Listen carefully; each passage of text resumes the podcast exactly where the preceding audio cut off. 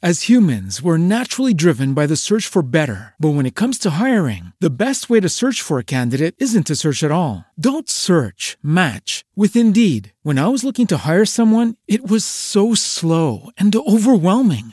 I wish I had used Indeed. If you need to hire, you need Indeed. Indeed is your matching and hiring platform with over 350 million global monthly visitors, according to Indeed data, and a matching engine that helps you find quality candidates fast. Ditch the busy work. Use Indeed for scheduling, screening, and messaging so you can connect with candidates faster. And Indeed doesn't just help you hire faster. 93% of employers agree Indeed delivers the highest quality matches compared to other job sites, according to a recent Indeed survey. And listeners of this show will get a $75 sponsored job credit to get your jobs more visibility at Indeed.com slash podcast. That's Indeed.com slash podcast. Terms and conditions apply. Hei, Marius Lorentzen i Finansavisen her, og velkommen til denne spesialepisoden om boligmarkedet og eiendom. Frem mot nyttår skal vi nemlig slippe alle foredragene fra vår eiendomskonferanse som ble arrangert før jul, og det blir snakk om både boligpriser, hoteller, næringseiendom og renter. Vi sparker i gang serien med foredraget til sjeføkonom Neira Masic ved Prognosesenteret. Norge har ikke hatt en høyere befolkningsvekst siden 2012, poengterer hun, og forklarer hvorfor ukrainske flyktninger nå er en joker i det norske boligmarkedet. Mer om det, og hvor mye byggekostnadene øker, blir det mer om nå. Neira, vær så god. Hei. Eh, takk for hyggelig intro, og takk for at jeg får lov til å være her. Og eh, Har den hoppet? Nei. Alt ser bra ut. Jeg er gravid, så jeg har litt gravidhjerne og litt sånn eh, blitt litt smådum i det siste. har jeg merket. Det er ikke tull, det de sier. Men jeg håper jeg klarer å gjennomføre det jeg har planlagt å si nå. Uh, ja. Jeg trodde også vi hadde 30 minutter, så jeg har gått på samme smell. Så jeg har uh, attpåtil i tillegg til gravidhjernen masse jeg vil si, så dette kan jo gå alle veier. Vi begynner. Vi går bare rett på sak. Uh, hvis denne her Der, ja. Jeg tror dere har hørt eh, mye om renter og inflasjon hittil i dag. Jeg har ikke fått med meg alt som har vært eh, på programmet hittil, så jeg skal ikke snakke om renter og inflasjon, men jeg skal snakke om alt det andre eh, som kan påvirke boligmarkedet fremover, og da med spesielt fokus på hva krigen har ført til. Det første vi skal se på, det er krigens effekter på strømprisene. Og det var ikke så veldig overraskende at krigen hadde en kortsiktig effekt på strømprisene, men den langsiktige effekten er eh, litt overraskende. Det denne figuren her viser, er eh, Helt nederst så ser man det nordiske markedet. Det er strømprisene i Norden. I midten er det Frankrike, og helt øverst er det Tyskland. Eh, det er to sett med kurver. Den eh, mørkegrå kurven den viser hva som var de faktiske strømprisene frem til krigen startet. Her har jeg en laser. Her starter krigen i slutten av februar. Og der denne mørkegrå kurven går over til å være gjennomsiktig, så er det det som var fremtidsprisene på strøm en uke før krigen startet. Så det tolker man som hvis man var veldig eh, lur og kunne se at denne krigen kom, og hvis man inngikk en futures-avtale på strøm og skulle få strøm levert eh, nå på nyåret, så betalte man 50 euro per megawatt-time hvis den avtalen ble inngått en uke før krigen startet.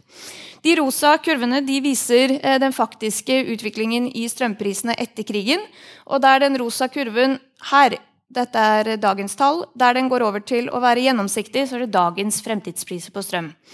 Gapet eh, mellom disse to, to, kurvene viser da eh, omtrent en ren krigseffekt på, på strømprisene. Og det er interessant å se at Strømprisene har falt ganske mye den siste tiden. Dere ser den toppen her, den ble nådd i eh, september. Og så har prisene falt i oktober, og i begynnelsen av november også var de lavere. Og det var faktisk en periode der de var til og med litt under det som var fremtidsprisene eh, på strøm en uke før krigen startet. Men det markedet nå igjen tror, er at det blir en ganske dyr vinter. Eh, det folk er villige til å betale i dag for å sikre seg strøm levert i januar, februar og mars i Norden, ligger da på eh, hva blir det, ca. 350 euro per megawatt-time. Det er ingen garanti eh, for at strømprisene kommer til å være sånn her i vinter, men det er den beste gjetningen vi har. Og vi har tidligere sett, f.eks. når jeg tok ut denne grafen her i slutten av august, så eh, klarte ikke fremtidsprisen å fange opp at oktober ville bli en så varm måned over hele eh, Europa. Det var eh, uvanlig høy temperatur.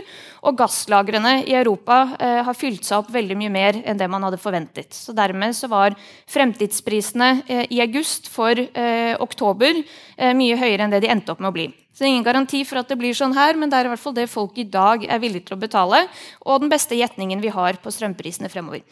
Og før man begynner å synes altfor synd på seg selv, så må man legge merke til aksene her. Eh, I Norden så går aksen opp til 400 euro per megawatt-time. I Frankrike så er vi på det dobbelte, 800, og i Tyskland er vi oppe på 700 eh, euro per megawatt-time. Frankrike har eh, Europas høyeste strømpriser, og helt siden krigen startet har vært blant de landene med de høyeste prisene. Tyskland også ligger et godt stykke over de nordiske prisene.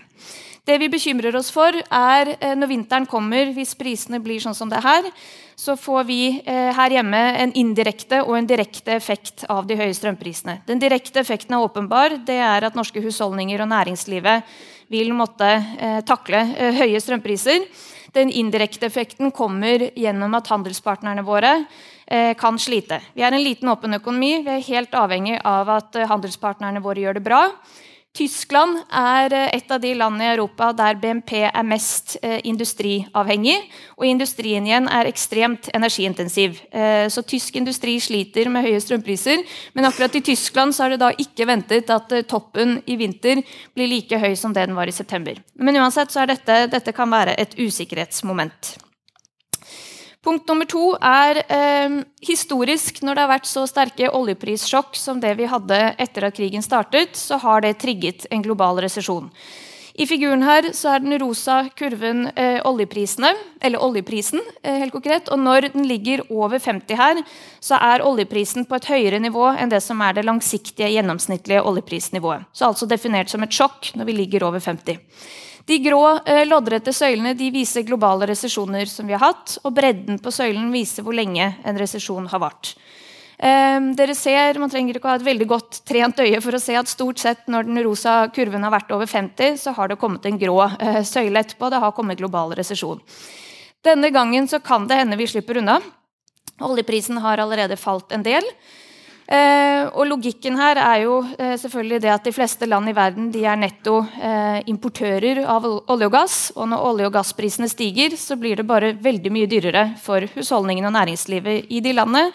De må nedjustere sitt konsum og det trigger en, en resesjon. I Norge så er vi en nettoeksportør av olje og gass. Veldig heldig sånn sett. Eh, og det betyr at vi kan berge noen ekstra måneder før den globale resesjonen når oss. Fortsatt er vi en liten, åpen økonomi. Det hjelper ikke hvis resten av verden eh, opplever en resesjon. Da vil den nå oss også. Men de siste eh, prisene vi har her nede, viser at vi er ganske langt ned fra toppen. Eh, og kanskje vi da faktisk slipper unna denne gangen. Vi får se. Den tredje veldig konkrete konsekvensen av krigen er at befolkningsveksten i Norge nå er på det høyeste nivået siden 2012. Det er omtrent ene og alene pga. de ukrainske flyktningene. I denne figuren her så viser den gule kurven den samlede befolkningsveksten de siste fire kvartalene, og den ligger nå på 60 000 personer. Ehm, de blå søylene de viser nettoinnvandringen. og Her ser man at det er selvfølgelig innvandringen eh, som har drevet dette. Utvandringen har ikke endret seg stort. Det er innvandringen som har ført til at nettoinnvandringen er høy. Eh, og det er det som driver eh, befolkningsveksten nå. Det er ikke et fødselsoverskudd som har tatt seg opp noe særlig. Det er en ren innvandringseffekt. Hittil i år har det kommet ca. 32 000 ukrainske flyktninger. Det planlegges for 40 000 totalt sett i år og 30 000 til neste år. Eh, jeg skal komme tilbake igjen til dette når vi skal litt innom leieprisen og leiemarkedet. for det er der man har sett effekten av dette. Kommuner de eh, etterspør leieboliger for eh, ukrainerne. Og det finnes ikke nok kommunale boliger til å bosette dem der, så kommunene må ut i det private leiemarkedet og etterspørre. Dette har presset leieetterspørselen opp ganske mye i en periode der tilbudet av leieboliger har falt. Og da øker jo selvfølgelig leieprisene. Dette kommer vi tilbake til. Byggekostnader. Eh, blir det mer uro, eller er det normalisering i vente? er neste tema vi skal innom. I Norge så finnes det én kilde til offentlige eh, byggekostnader, eller en offentlig byggekostnadsindeks, og det er SSB sine tall.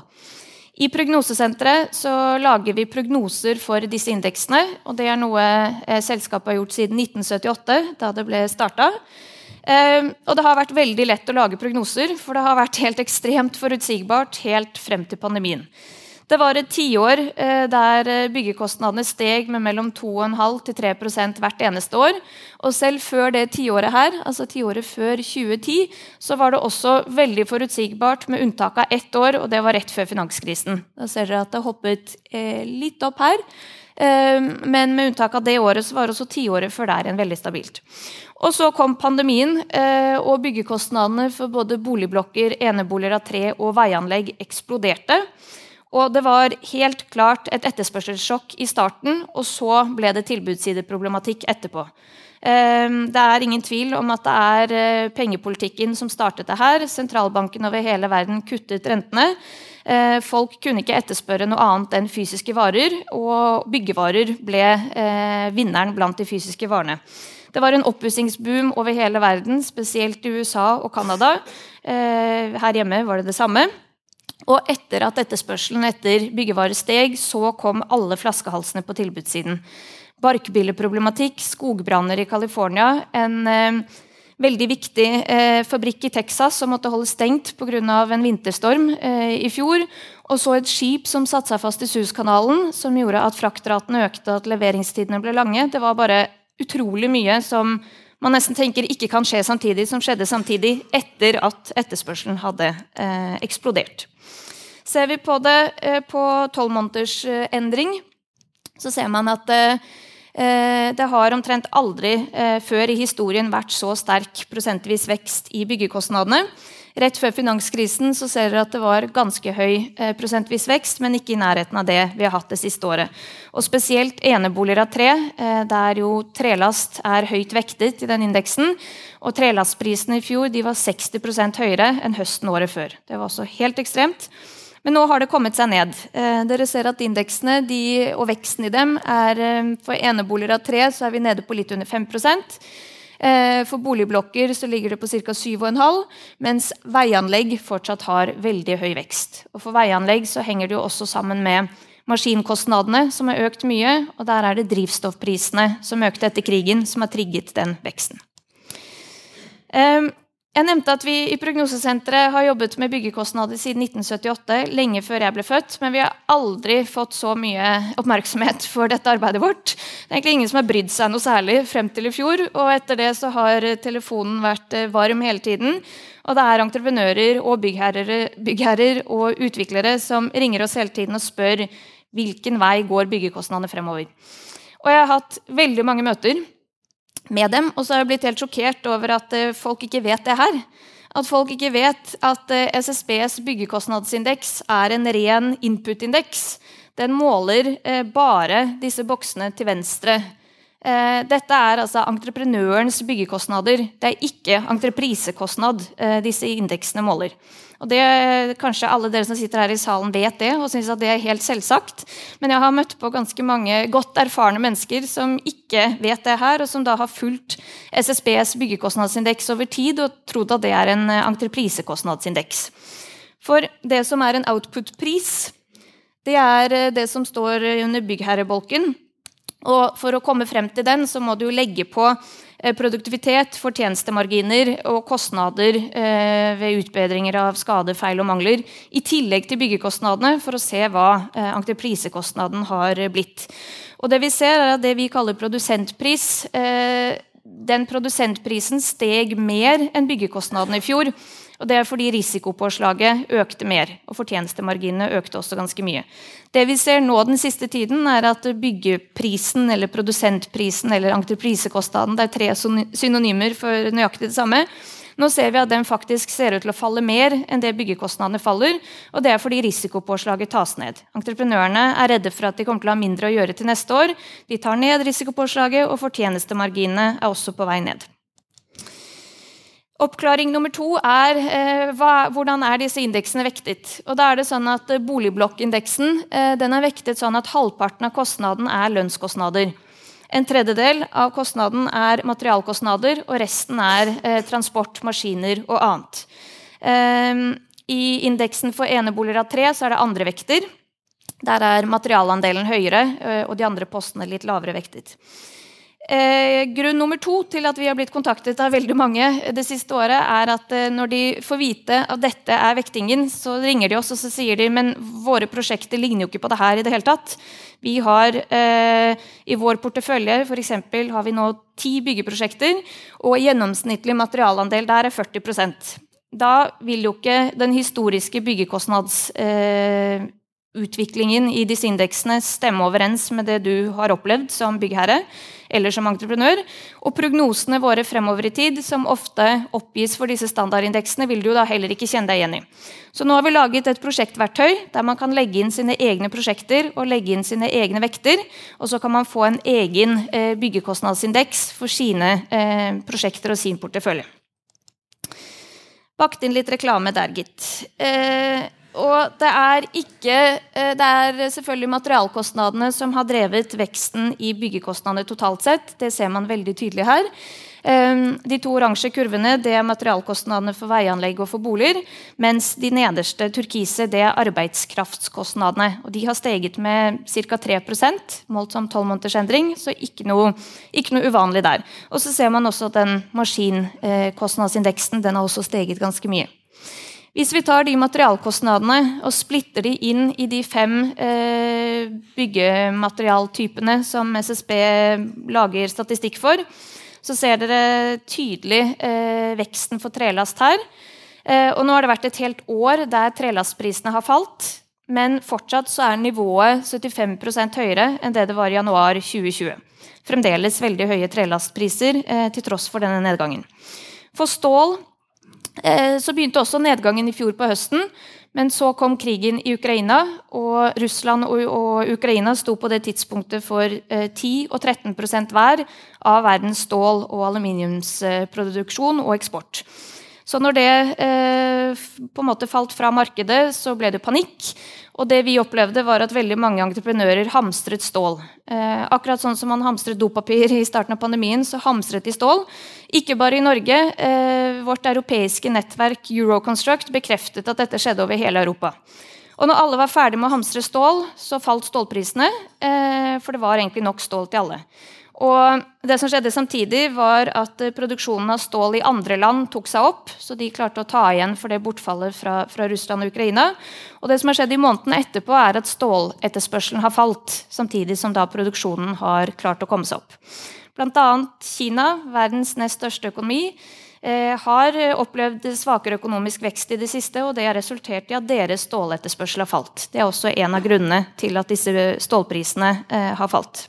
I'll see you in court.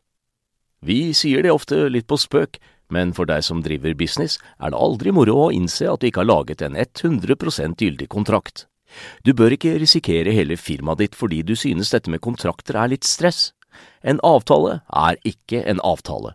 Du kan miste kunder, miste venner, ja, til og med miste inntekter om du ikke lager en skikkelig kontrakt, på alt mulig, egentlig. Men vi vet det er et styr, kopimaskiner, tregprinter og haugevis av papir. Dessuten stoler vi jo på folk her i landet. Det er ofte litt kleint å skulle be om en signatur for alt mulig, ja, for mye av styret handler også om jakten på underskriften. Det finnes en enkel måte å løse dette på, Dukkobit, en trygg, effektiv og get this, gratis måte å sikre seg en god natts søvn pluss en juridisk bindende avtale. Dukkobit-appen har de strengeste sikkerhetskrav i bunn, samt en EU-godkjent og sertifisert teknologi. Framover vil det bli behagelig å spørre du, skal vi skrive under på det, eller? Kom i gang på dukkobit.no. Jeg skal straks vise dere prognosene våre for byggekostnadene fremover, men jeg kan allerede nå røpe at eh, vi, vi mener at materialkostnadene skal ned at lønnskostnadene skal videre opp, men vi tror ikke at materialkostnadene skal helt ned til førpandeminivå. Og Det er fem årsaker til det. Det ene er at det grønne skiftet kommer til å kreve mye mer elektrisitet enn i dag. Og det må eh, ganske store og dyre investeringer til for å erstatte fossile energikilder. Det kommer til å være dyrt. Og vi regner med at strømprisene på lang sikt blir liggende på et høyere nivå enn det de har vært historisk. Kobber. Eh, det var kobbermangel allerede under pandemien, og dette her kommer til å bli ganske mye verre eh, fremover. Vi trenger kobber til elektrifiseringen av transportsektoren, og kobber brukes veldig mye eh, til ulike investeringsvarer som man igjen trenger for å produsere fornybar energi. Og innenfor bygg og anlegg så er det spesielt elektrikerarbeid og materialene der som er ganske avhengig av kobber. Nummer tre er at det er stadig strengere klimapolitikk. Og det er bra, det er nødvendig, vi vil jo det, dette her, det er det alle vil. Men det har noen andre eh, konsekvenser. Blant annet så betyr det at det blir nedtrapping av gratis eh, tildeling av utslippskvoter. Det er ganske mange sement- og stålprodusenter som har fått disse kvotene sine gratis. Det skal fases ut. De må også begynne å betale. Det kommer til å, å påvirke eh, spesielt sement- og stålprisene på lengre sikt og føre til at de ikke faller ned igjen til førpandeminivå. Det er økt proteksjonisme. Etter flere tiår med globalisering så har man sett tegn til at eh, deglobaliseringen begynte eh, etter at pandemien begynte. Etter at krigen i Ukraina startet, så har det blitt enda mer forsterket. Eh, det er mange land som er bekymra for sin egen forsyningssikkerhet. De flytter produksjonen fra lavkostland, typisk Kina, hjem til sine egne høykostland. Fordi de ikke vil være avhengig av at et skip ikke setter seg fast i Suskanalen, som vi så. Dette er også fordyrende, og kommer til å være det på lang sikt hvis vi ikke ser at denne trenden snur tilbake igjen. Det siste punktet det er dette med billig utenlandsk arbeidskraft, som vi har vært eh, veldig bortskjemt med her i Norge de siste 10-15 årene. Spesielt innenfor bygg og anlegg. Ehm, der tror vi den tilgangen vil bli dårligere på sikt, etter hvert som norsk økonomi er forventet å utvikle seg mer likt andre europeiske land. Etter hvert som olje og gass fases eh, ut, og det er landets mest produktive næring, eh, så må vi forvente at veksten i norsk økonomi på litt lengre sikt blir mer lik andre europeiske land, og at det da blir eh, mindre insentiver til å komme hit. Bortfallet av billig utenlandsk arbeidskraft presser jo da opp eh, arbeidskraftskostnadene her hjemme. Så For å oppsummere så mener vi at prisene vil utvikle seg sånn fremover. Eh, materialkostnadene skal ned, i hvert fall for stål og trelast, men ikke ned til førpandeminivå. For betong eh, så er det ikke noen nedgang i vente. Det henger sammen med CO2-priser, energipriser og disse eh, klimakvotene de må betale for.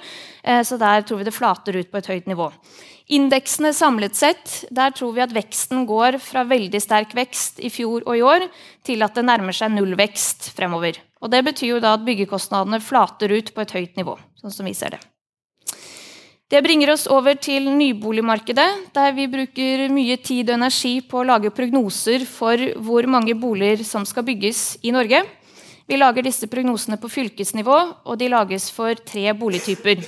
Her ser dere helt eh, aggregerte tall.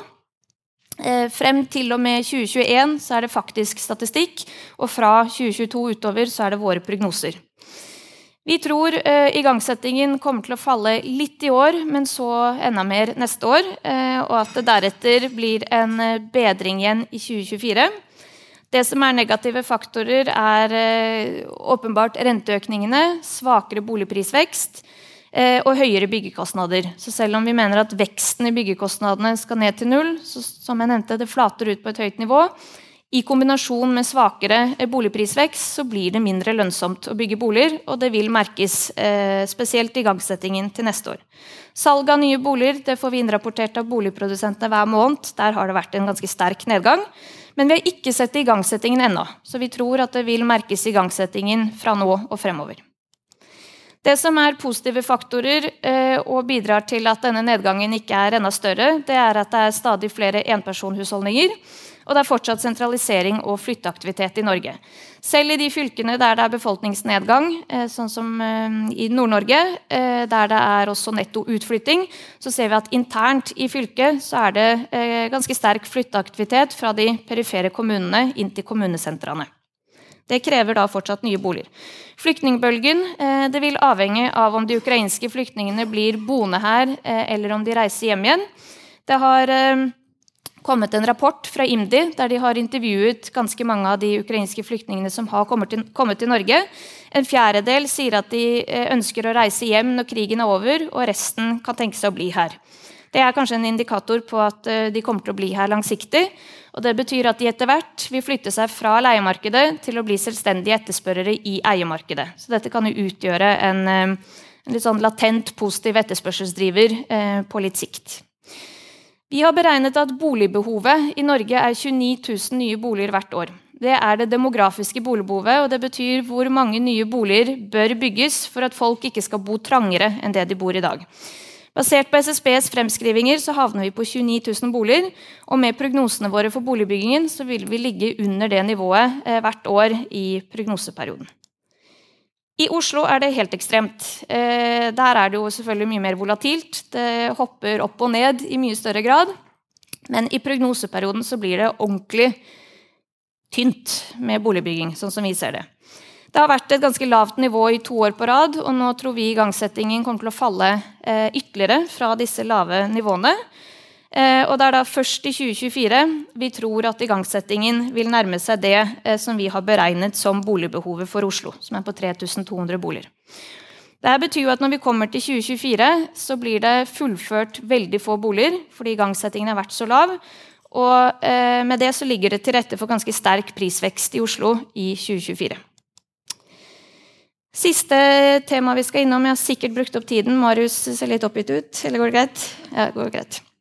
Det siste vi skal se på, er eh, bruktboligmarkedet og priser, før vi runder av. Ehm, og her ser vi en eh, figur som viser både tolvmånedersendringen i boligprisene. Den eh, leser man av på venstre akse, mens på høyre akse så leser man av antall usolgte boliger. Da må man være obs på at høyre akse er invertert. Så den er opp ned. Den starter på 8000 helt øverst, og så er den eh, 16 000 usolgte boliger nederst. Grunnen til at jeg har invertert den, er bare for å vise sammenhengen mellom disse to. Den er jo ganske åpenbar. I perioder der det er få usolgte boliger, har vi høy eh, prisvekst i boligmarkedet, og omvendt. Når eh, antall usolgte boliger stiger, så pleier tolvmånedersveksten å falle. Det som har skjedd den siste tiden, er at eh, vi hadde egentlig et gap her fra Ja, det startet egentlig i fjor sommer. Eh, der eh, antall usolgte boliger falt etter sommeren i fjor, samtidig som tolvmånedersveksten i boligprisene falt. Det var fordi renteøkningene startet i fjor mot slutten av året. Men så, nå etter sommeren i år, så ser vi igjen at antall usolgte boliger øker. Ganske mye på kort tid. Og tolvmånedersendringen i boligprisene den fortsetter å falle. Selv om vi er på 13 500 usolgte boliger nå, og det er mange meglere som mener at det er historisk mange usolgte boliger, så er det ikke det. Eh, I tre år før pandemien så lå vi konstant på høyere nivåer av usolgte boliger enn det vi har nå. Det er ikke historisk høyt, men det er jo en, en, en ganske markant endring på noen få måneder. Leieprisene er nå 6% høyere enn det de var i fjor i tredje kvartal. og Det betyr at veksten i leieprisene er dobbelt så sterk nå som veksten i eieprisene. Det er jo litt uvanlig. Det har stort sett vært eh, omvendt, at det er eieprisene som øker mest. Jeg kobler dette sammen med ukrainerne, som jeg nevnte innledningsvis. Eh, etterspørselen etter leieboliger har økt veldig mye pga. dem, men det er også andre grupper i samfunnet eh, som har økt sin leieetterspørsel. Så vi ser egentlig at tilbudet av leieboliger har falt. Eh, og at eh, boligetterspørselen samlet sett er ganske stabil, men at det er presset flytter seg fra eiemarkedet til leiemarkedet. Og dagens siste graf, jeg lover, jeg tror det er noen som har begynt å bli slitne. Jeg trodde jeg som gravid ble sliten, men dere ser jo mer slitne ut enn meg. Eh, det er en graf som viser at eh, boligprisene har løpt fra både inflasjonen og byggekostnadene over tid. Den nederste sorte kurven det er konsumprisindeksen. Den rosa det er byggekostnadsindeksen for eh, boliger. Og så er det tre sett med eh, priskurver oppå der igjen. Hedmarkdistriktene, den blå, er bare for å vise et sted der ingen vil bo, men folk bygger boliger så fort det oppstår etterspørsel. Og så den oransje, det er eh, de typiske nabokommunene rundt eh, store byer. Bare som et eksempel her, Lørenskog og Skedsmo. Og så har vi øverste kurve her, bydel Sankthanshaugen, som et eh, sted der veldig mange vil bo, og der boligbyggingen ikke øker. Tilbudet er gitt, det er konstant. Etterspørselen øker, og man får ikke gjort noe med tilbudselastisiteten. Poenget med denne er at vi har det samme rentenivået i hele Norge. Og i alle boligprismodeller jeg har sett, så er renta den eh, forklaringsvariabelen med den høyeste vekten, og som da liksom statistisk sett kan forklare boligprisene i størst grad. Men det forklarer ikke de regionale eh, geografiske forskjellene. Det forklares av eh, ulik befolkningsvekst og tilflytting kombinert med ulik eh, tilbudselastisitet, der Oslo er det mest ekstreme eksempelet. Da runder vi av. Vi runder av med denne oppsummeringen her. Eh, renteøkningene de fører til at eh, boligetterspørselen faller og fører direkte til lavere boligpriser. I kombinasjon med høye, høye byggekostnader så fører dette til lavere boligbygging de neste par årene vil tilførselen av nye boliger reduseres, spesielt i Oslo, og da spesielt i 2024 og 2025. I Prognosesenteret tror vi rentetoppen nås i desember. Eh, jeg har ikke snakket om renter og inflasjon, for jeg vet at andre har snakket om det, men vår prognose er at siste renteøkning kommer i desember, og vi tror faktisk at første rentekutt kommer i løpet av høsten neste år. Gitt den eh, forutsetningen så tror vi at det er veldig mye som kommer til å presse boligprisene opp igjen i 2024. Ikke minst den sterke befolkningsveksten eh, pga. ukrainerne. Takk for meg. Og da er vi ved slutten av denne spesialepisoden, der du har fått høre et utdrag av hva som skjedde på Finansavisens eiendomskonferanse. Vi har flere episoder fra konferansen på vei, i tillegg til flere vanlige sendinger fra oss i FATV nå før jul. Så husk å abonnere på Økonominyhetene i Spotify, Apple Podkast eller der du hører på podkast. Produsent for denne podkasten har vært eh, Lars Skram. Mitt navn er Marius Lorentzen. Og fra alle oss her i Finansavisen, ha en riktig god jul. Hey, it's Paige DeSorbo from Giggly Squad. High quality fashion without the price tag. Say hello to Quince. I'm snagging high-end essentials like cozy cashmere sweaters, sleek leather jackets, fine jewelry, and so much more. With Quince being 50 to 80% less than similar brands. And they partner with factories that prioritize safe, ethical, and responsible manufacturing. I love that. Luxury quality within reach. Go to quince.com slash style to get free shipping and 365 day returns on your next order. Quince.com slash style. Økonominyhetene er en podkast fra Finansavisen. Programledere er Marius Lorentzen, Stein Ove Haugen og Benedikte Storm Bamvik. Produsenter er Lars Brenden Skram og Bashar Johar. Og ansvarlig redaktør er Trygve Hegnar.